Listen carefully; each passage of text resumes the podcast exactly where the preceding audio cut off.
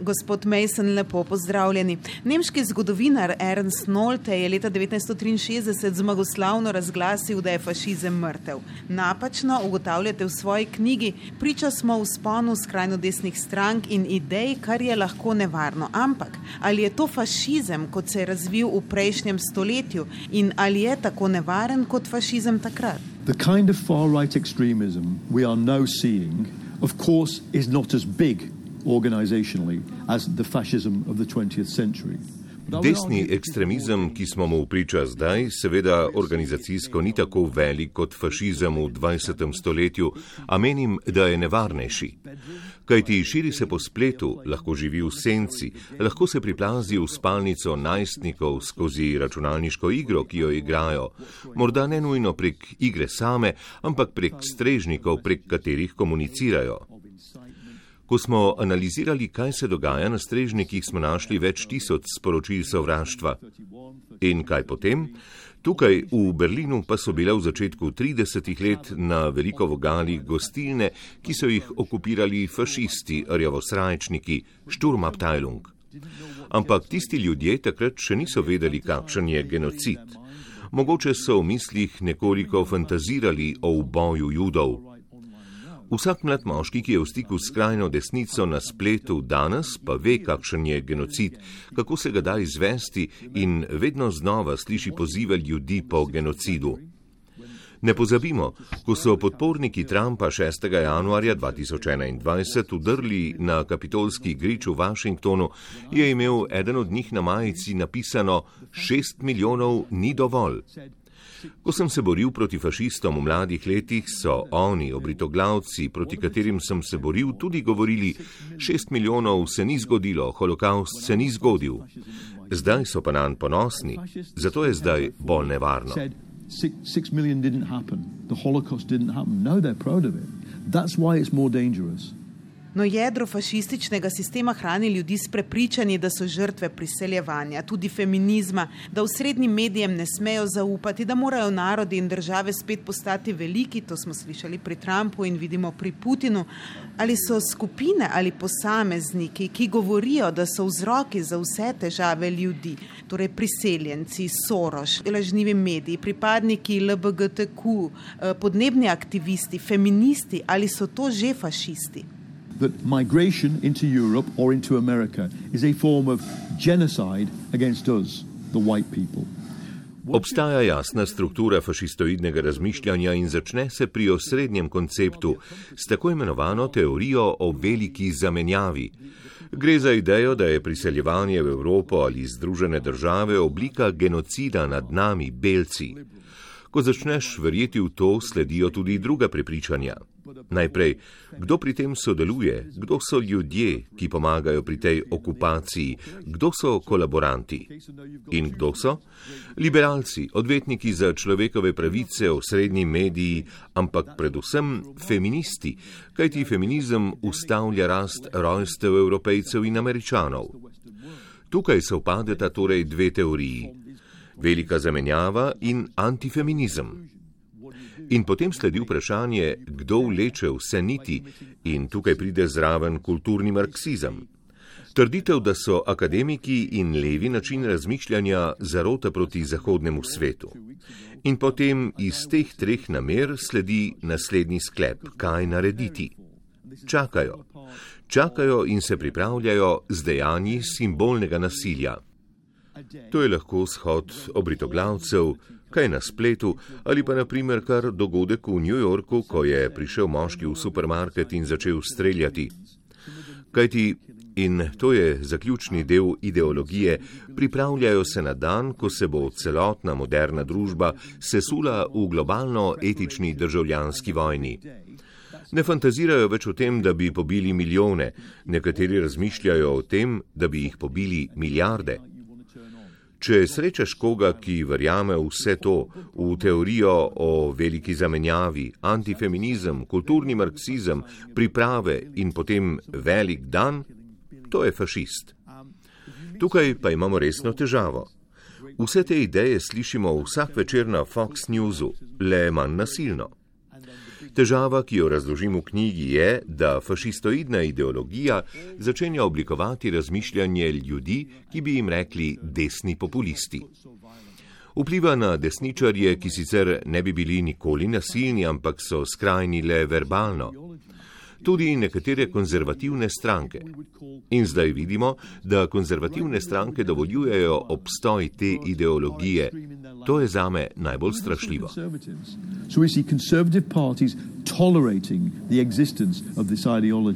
That's the scariest thing for me.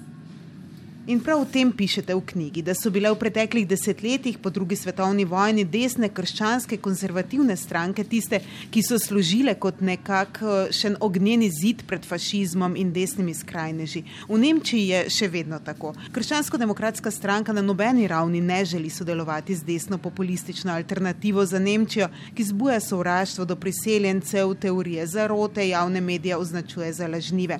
Ampak ni povsod tako. Kako bi lahko dosegli dosegli, da se desne stranke vrnejo v to staro vlogo? When we first started to notice in the 1990s the phenomenon of right-wing populism. Ko smo v 90-ih prvič opazili fenomen desnega populizma, torej desnih strank, ki so bile rasistične, seksistične, ki so uporabljale skrajni jezik, a niso bile nasilne in so želele zmagati na volitvah, smo mislili, dobro, to je slabo, a vsaj ne bodo postale povsem fašistične in na neki način so bile te stranke požarni zid proti fašistoidnim skupinam obritoglavcev. Če je kdo želel biti rasist, je šel na velike shode desnih politikov, kjer so slišali čustven jezik, a ne bi postali fašisti. Težava pa je, da požarni zid zdaj gori. Desni populizem je namesto, da bi ščitil pred fašizmom, postal okužen ali koloniziran s fašizmom in fašistoidnimi idejami. Najboljši primer, kaj je šlo narobe, je Trump. Trump je bil desni populist, ločen od republikanske stranke, ni bil del njihovih elit, a se je proti koncu predsedovanja oprl na skupine, ki so se mobilizirale, ki so bile zelo očitno fašistične. Trump ni bil v nobenem primeru požarni zid med ulico skrajno desnih mobiliziranih oboroženih fašistov, ampak jih je mobiliziral. In zdaj prihaja najslabši del. Ameriški republikanci, ki naj bi bili establishment, ne le da so tolerirali Trumpa, tolerirali so te nasilneže, niso se potrudili, da bi jih preganjali. Tako da smo prišli do tega, da v tej zvezi konzervativcev, populistov in fašistov odločajo ljudje na ulici, ki so pripravljeni na nasilje. Oni odločajo. Ideja, da bi Trump lahko bil požarni zid pred njimi, je napačna. Požarni zid gori.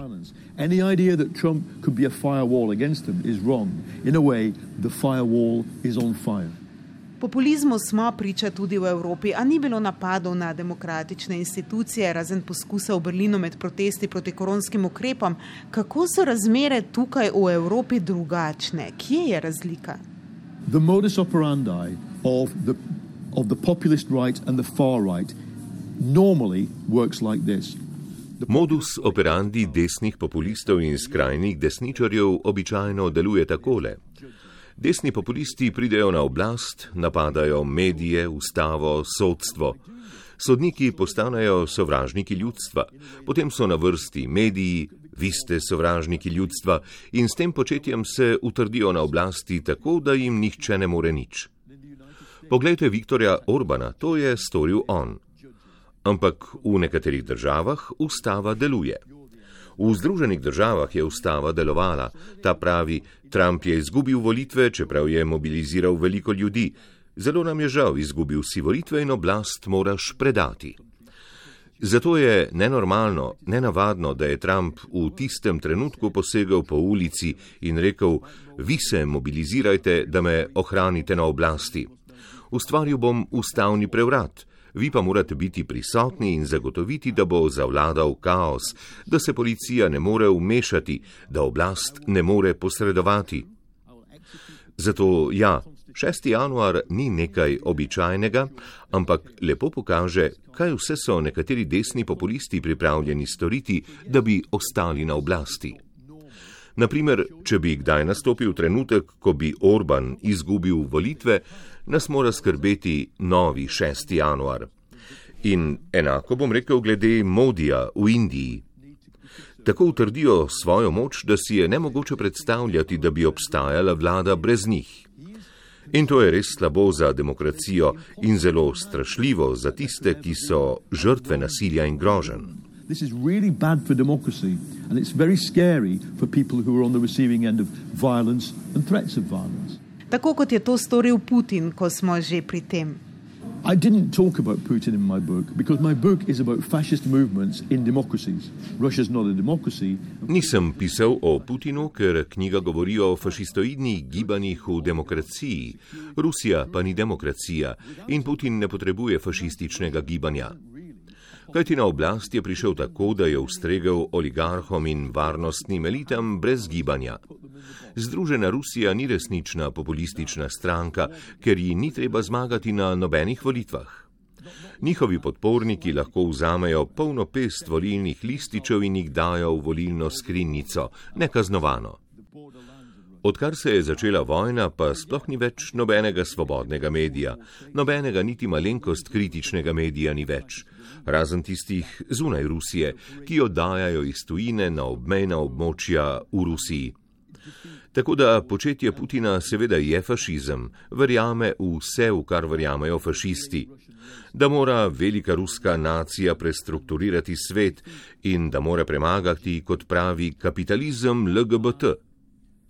Ko je išla moja knjiga, sem mislil, da je Putin avtokrat, da se verjetno šali o tem, da želi osvojiti Ukrajino, ampak v zadnjem letu je postalo jasno, kaj želi. Svetuje mu fašist Aleksandr Dugin, njegov projekt je fašizem. V knjigi izpostavljate tri politična gibanja. Omenili ste skrajno desnico in desne populiste. K temu je treba prišteti še avtoritarni konzervatizem. Nam lahko razložite, kje so njihove skupne točke, cilji, zakaj se podpirajo in združujejo?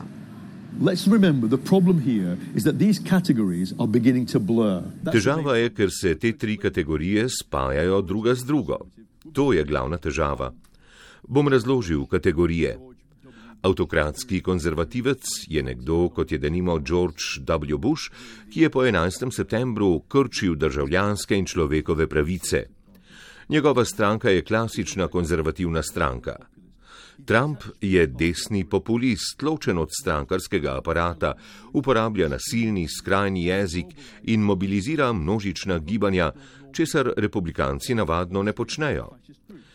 In v tem primeru so na ulicah fašistične skupine, kot so Old Keepers Militia oziroma vojska branilcev prisege ali ponosni fantje ali bugalu fantje, ki jim je skupno to, da imajo orožje in da govorijo o nasilju.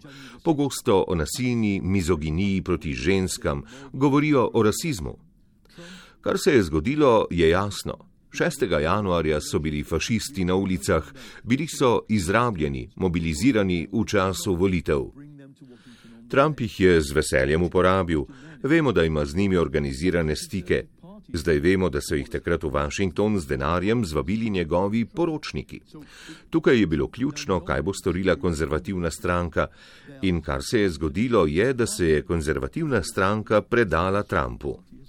Torej, zdaj Trump imenuje, kdo bo njihov kandidat za volitve, kdo bo uradnik na lokalni ravni in ti, o tem sem prepričan, bodo čez dve leti vsako zmago demokratov označili za nezakonito. Spremenili bodo izide volitev od zvezdne države do zvezdne države. Zakaj se je to zgodilo? Na vse zadnje zato, ker je ideologija kapitalizma svobodnega trga, ki je držala skupaj vse dele desnice, izginila. Po globalni finančni krizi je izgubila smisel, tako da je ta magnet, ki zdaj vleče te delčke skupaj, postala strašljiva in smrtna ideologija fašizma. Uh,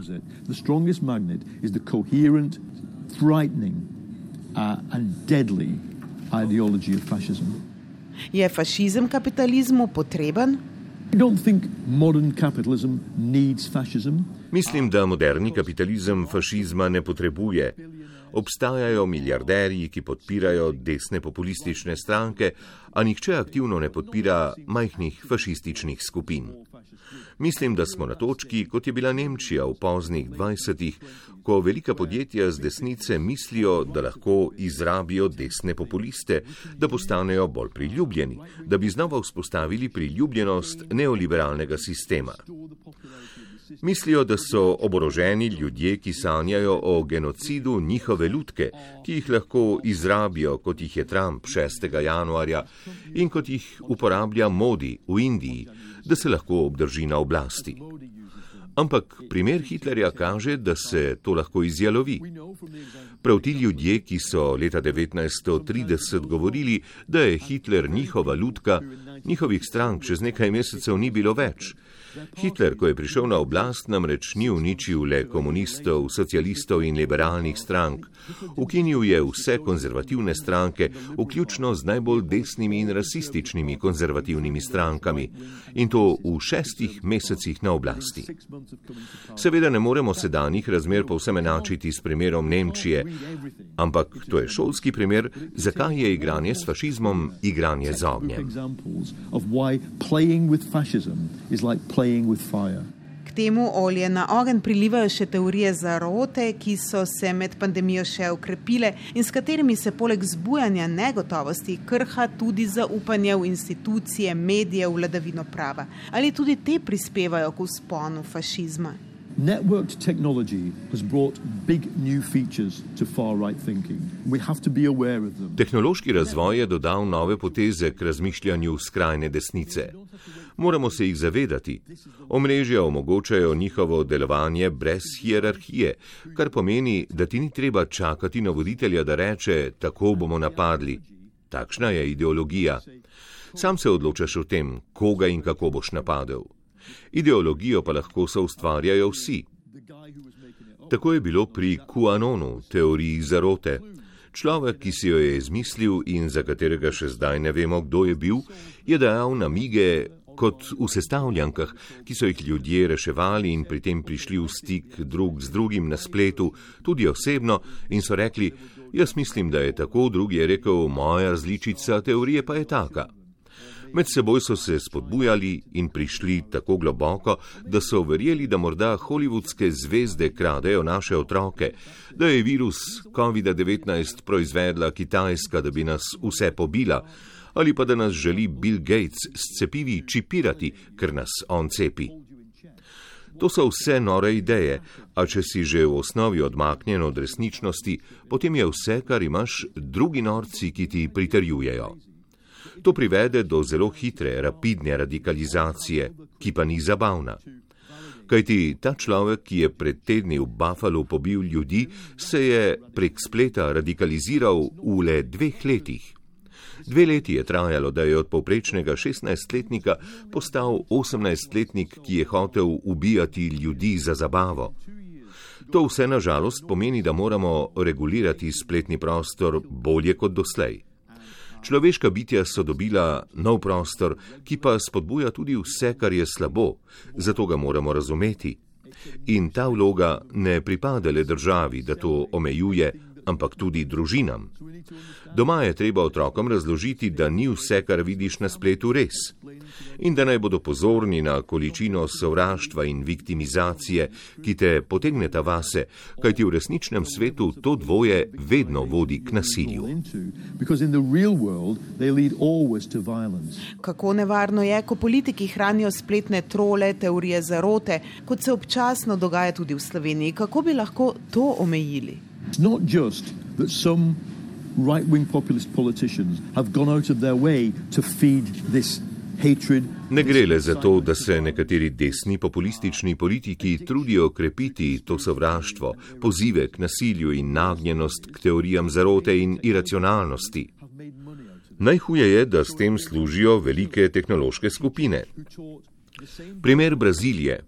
Učitelji, ki so leta poučevali biologijo, zdaj vidijo študente, ki to zavračajo in ne želijo, da jih učijo neki marksizem. Odkot je to prišlo? In potem vidimo, da prihaja z YouTube-a. kajti ljudje so skušali na YouTubu najti povsem običajne reči, pri tem pa jih algoritem vodi k skrajnemu neznanstvenemu razmišljanju, ki se potem zlepi z rasizmom, mizoginijo, z nasprotovanjem pravici do splava. Nenadoma te algoritem odpelje v povsem nov svet iracionalnosti. Je mašinerija, ki spodbuja najslabše instinkte v ljudeh.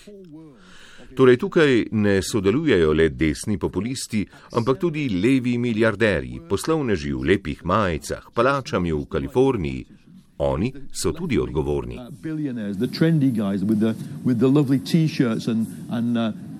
And Californian mansions, they are also responsible.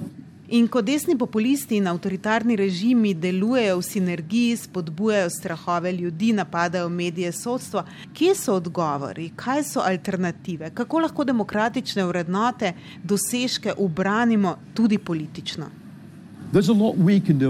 Spletni prostor je dobra platforma, da se mobilizira ljudi za napredne stvari. In moramo se boriti za ta prostor. Politično pa, kjerkoli je možnost povezave med populisti in fašisti, ko so fašisti na ulicah in populisti v vladi in napadajo ustavo, spodnašajo vladavino prava, jih moramo spraviti z oblasti. Način, kako to narediti, pa ni sprejemljiv za vse. Povezati se morata sredinska in leva opcija. Mislim, da sem se deset let upiral temu, kar je Evropska unija s prisilnim vrčevanjem počela v Grčiji, Španiji. Takrat so bili ljudje, kot je bila Kristin Lagarde, moji sovražniki. Zdaj Kristin Lagarde in Evropska centralna banka niso več moji sovražniki, ampak so nasprotniki postali ljudje, ki nas želijo ubiti. Spremeniti moramo torej miselnost.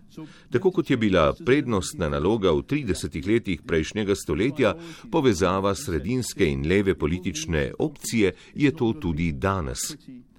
Potrebni bodo kompromisi, škripalo bo, ampak če tega ne naredimo, bo desnica zmagovala. Prišla bo na oblast, mobilizirala bo ulico, napadla ustavo, medije, da bi ostala na oblasti za vsako ceno. Zato moramo poskrbeti, da ne pride na oblast. Nič nimam proti konzervativnim strankam v tradicionalnem smislu.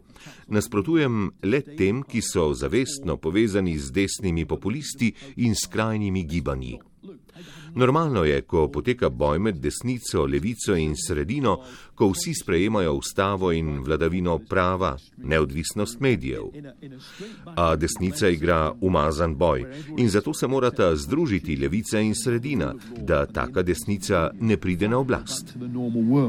But in, the, in a fight where the fight is dirty from the right, then we just have to unite the left and center and keep them out of office. No, slovenski novinar Marcel Štefančič, ki je o vaši knjigi in razmišljanjih pisal v tedniku Mladina, je poudaril, da je to premalo. Da mora biti poleg združitve politične sredine in levice antifašizem tema tudi v filmih, predstavah, glasbi, stripih, v celotni pop kulturi. Je stanje res tako resno? Vrniva se k veliki težavi na svetu. Indijo, največjo demokracijo, vodi človek, ki mobilizira rasistično drhav. Načrtuje, da bo na oblasti zavedno, da ne bo nikoli več alternative. V Združenih državah, ki je jedrska velesila, je demokracija krhka. V nekaterih zvezdnih državah je skoraj državljanska vojna zaradi tem, kot je splav, ko tam kljubujejo pravosodju. Rusija, ki je napadla Ukrajino, s predsednikom, ki je naznanil, da bo izbrisal jezik, identiteto in meje 40 milijonske države. Če ne mislite, da je nujno, se zbudite. Kaj pa Evropa? Because of the European Union's constitution, Evropa ima zaradi Evropske ustave priložnost, da se za zdaj temu upre. Za zdaj. Ima zakon, s katerim omejuje sovraštvo na spletu, velja vladavina prava. Od držav, kot sta Mačarska in Poljska, lahko, ko napadajo lastno sodstvo in spodkopavajo vladavino prava, oduzame denar. Je bitka, ni lahko, a raje bi bil v Evropi kot v Združenih državah. Kaj ti Združene države imajo težavo? Prvi amandma dovoli, da pozivaš genocidu. Drugi amandma dovoli, da poseduješ orožje in ga uporabiš. To ni dobra začetna točka za branjenje demokracije. In v letu 2024 bomo videli, če desnica v Združenih državah izgubi še ene volitve, bo iskala rešitve z nasiljem.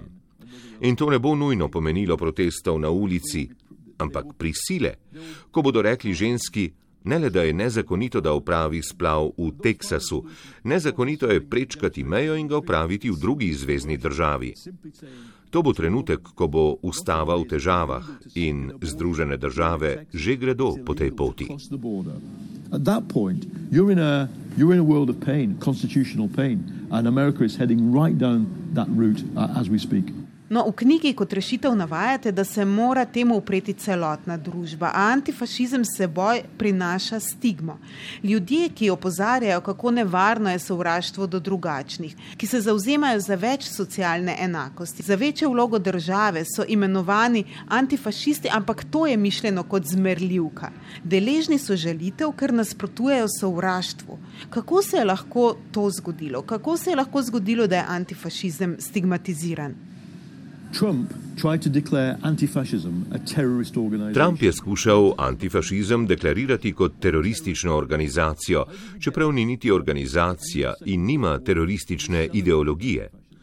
Sprašujete, kako smo prišli od konca druge svetovne vojne, ko smo slavili antifašizem, govorili nikoli več, do sem. Konec druge svetovne vojne smo praznovali z antifašizmom, tudi s kulturo, filmi, praznovali in občudovali smo tiste, ki so se borili proti antifašizmu. Kako smo prišli od tam do Trumpa? Trump je uporabil taktiko Mussolinija. Če preberete zbrana dela Mussolinija iz zgodnjega obdobja, kot sem jih jaz, boste videli, da se beseda antifašizem ne pojavi, dokler se Mussolini ne odloči liberalcev, ki mu nasprotujejo, označiti za nasilne antifašiste. Trump si je sposodil Mussolinijevo taktiko.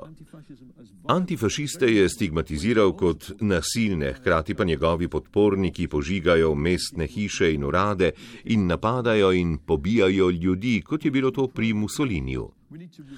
Tako da moramo biti ponosni antifašisti, moramo obuditi to kulturo 30-ih, ki je dala sliko kot je Gernika, filme Žana Renoira, povojne polske filme Andreja Vajde, vse te filme 50-ih, ki so slavili zmago nad fašizmom. To moramo obuditi. Kamorkoli grem, ponosno povem, da sem antifašist. Vseeno mi je, če ti ni všeč, ker ne želim umreti v betonski škatli, ko se borim za zrak kot nekateri moji daljni sorodniki, judi. Kjerkoli se pojavi fašizem, gre za življenje in smrt demokracije. Tako da se moramo mobilizirati in braniti demokracijo, čeprav veliko nas, kot jaz, želimo iti dlje, globlje v demokracijo, zahtevati več socialne pravičnosti, več pravice za potlačene in izkoriščane skupine. A zdaj se bom zadovoljil s tem, da branim demokracijo, ki jo imamo.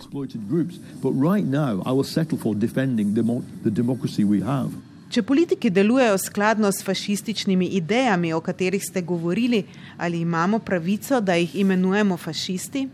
No. I think we still need to maintain a difference between fascists who think the whole fascist. Ne. Mislim, da moramo ohraniti razliko med fašisti, ki razmišljajo o fašistični agendi, delujejo nasilno in fantazirajo o genocidu in spodbujajo ljudi k nasilju, ker to so. So ljudje, ki se bojijo svobode, ker vidijo, da so drugi svobodo pridobili. In ko vidijo gibanja, kot sta življenja temnopoltih štejejo in jaz tudi, mislijo, da morajo to ustaviti. Ko vidijo transspolnega človeka, mislijo, da je to nenaravno in da morajo to ustaviti. To je fašizem. Desni populisti, kot so Trump, Nigel Farage v Veliki Britaniji, Marine Le Pen v Franciji, nasplošno niso nasilni in delujejo znotraj sistema. Konzervativci delujejo konzervativno. Ob teh treh kategorijah, ki obstajajo, je temeljna težava ta, da je fašizem tisti, ki narekuje vsem drugim. Zato moramo dati pravim liberalnim konzervativcem pogum, da se uprejo. Na koncu moramo spodbujati vse dele demokracije, ki cenijo demokracijo kot tako. V vzhodnji Evropi in na Balkanu je veliko mladih demokracij, ki so videle le začetke demokracije. Velika tragedija bi bila, če bi to zavrgle. Srečo imam, da živim v državi, v kateri imamo delavski razred in gibanja in smo se že pred 250 leti borili za demokracijo in socialne pravice. Imamo stabilno demokracijo, ki se lahko upre temu, da jo je Boris Johnson potisnil na neznan teritorij z Brexitom, usponom populističnih gibanj. Veliko je udarcev, a mlade demokracije vzhodne Evrope so bolj krhke. In če želimo, da v državah kot je Slovenija in v nekdanjih satelitih Sovjetske zveze zacveti demokracija, moramo podpirati demokratične sile in Evropska unija mora zahtevati, da spoštujejo vladavino prava, svobodo govora, neodvisne medije in da imajo svobodne volitve.